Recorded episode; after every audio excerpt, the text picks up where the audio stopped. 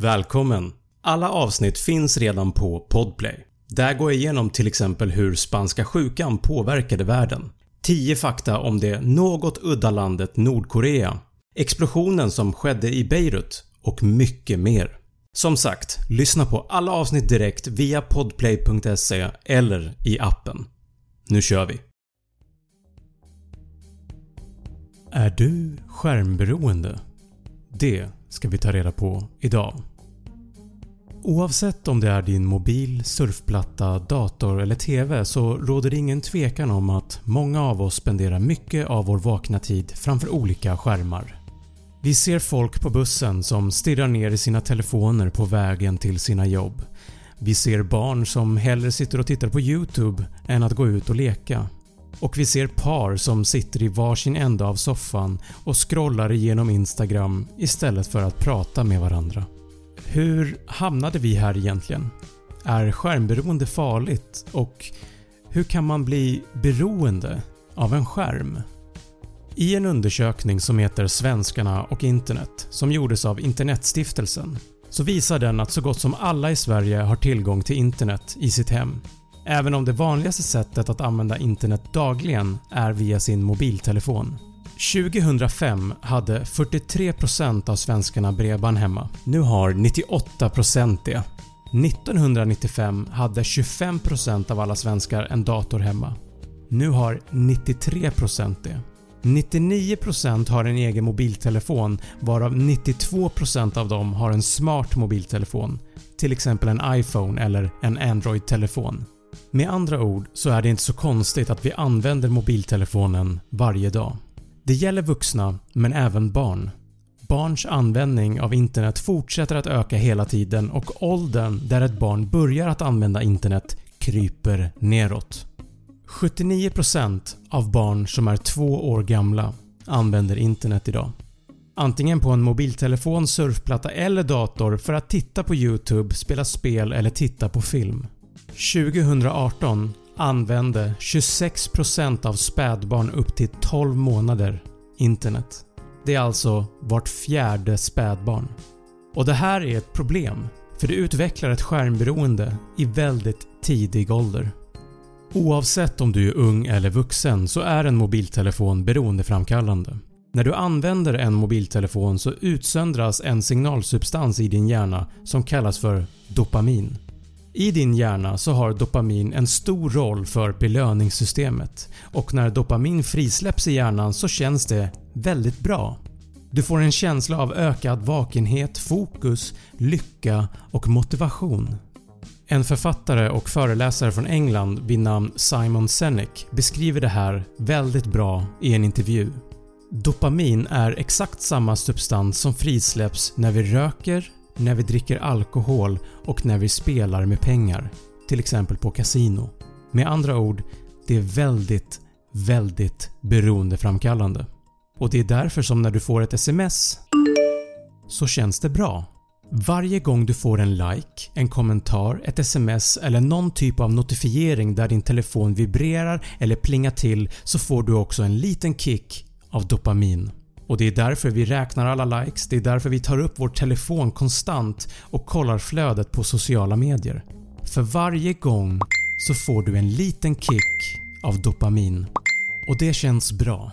Men vi har 18-årsgräns för rökning, alkohol och att spela på kasino men för en del sociala medier har vi bara 13 års åldersgräns. Och trots den gränsen ser vi ändå barn mycket yngre än så som använder sig av till exempel Instagram eller TikTok. Vi har alltså en hel ung generation som har tillgång till både en beroendeframkallande och bedövande signalsubstans som heter dopamin via deras telefoner och sociala medier. Simon Sinek tycker att det här är ett stort problem. Varför?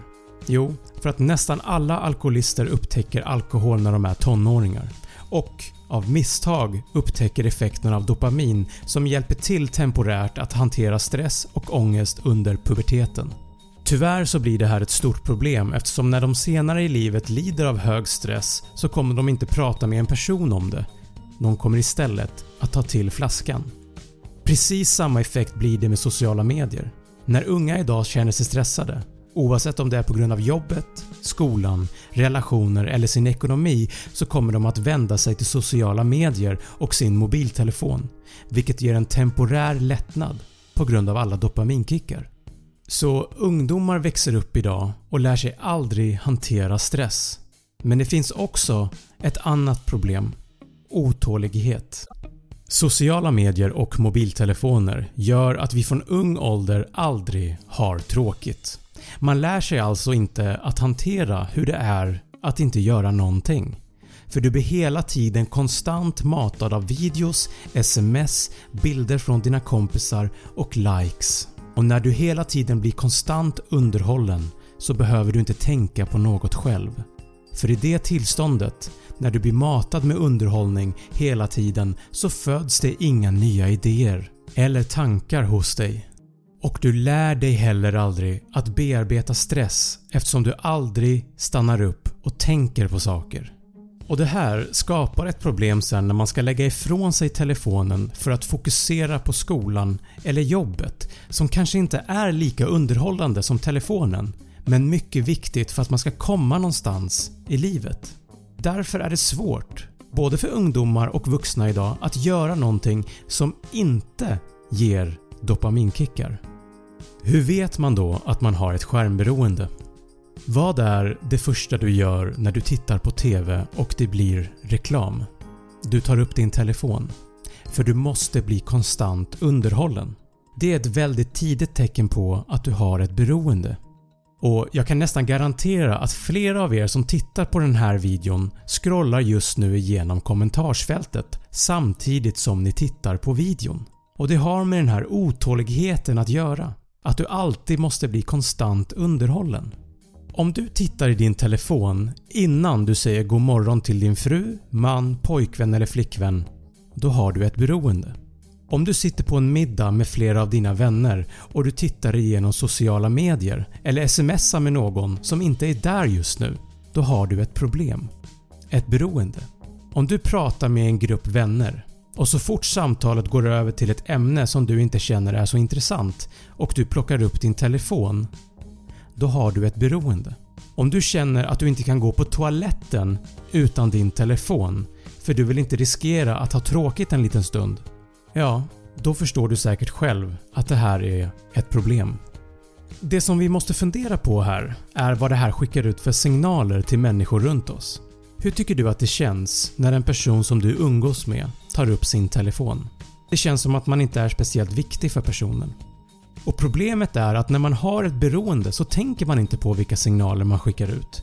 Man gör det omedvetet och kanske till och med blir irriterad när en vän eller en familjemedlem påpekar att man hela tiden kollar i sin telefon när man umgås. Så vad kan man göra åt sitt skärmberoende? Enligt Simon Sinek så bör ingen ladda sin telefon i sovrummet medan man sover. Vi ska ladda den i vardagsrummet och Det är helt enkelt för att ta bort frestelsen att kolla i sin telefon. Och om det är så att du använder din telefon som en alarmklocka, ja men köp en alarmklocka istället då. När du umgås med dina vänner eller din familj, var med dem, umgås med dem. Det är så riktiga meningsfulla relationer skapas. Alla andra som inte är där behöver inte veta vad du gör just nu. Och du behöver inte veta vad de gör. Vi vet inte hur det här med sociala medier och mobiltelefoner kommer att påverka oss långsiktigt. Men vi vet att folk som spenderar mer tid på sociala medier har en högre risk för att utveckla depression än folk som spenderar mindre tid på sociala medier. Och det är ju inget fel på sociala medier i sig, men det är obalansen. Att vi spenderar för mycket tid med det istället för att umgås i verkliga livet. Vi bryr oss mer om att få likes än att skapa meningsfulla relationer. Vi bryr oss mer om kommentarer än riktiga konversationer. Och det ironiska med sociala medier är att det har gjort oss mer osociala. Tack för att du har lyssnat på det här avsnittet. Alla avsnitt finns att lyssna på via podplay.se eller i appen.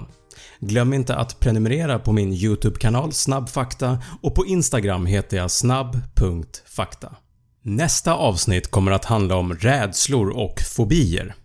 Hur kommer det sig egentligen att vi är rädda för vissa saker? Och varför har man fobier för vissa saker?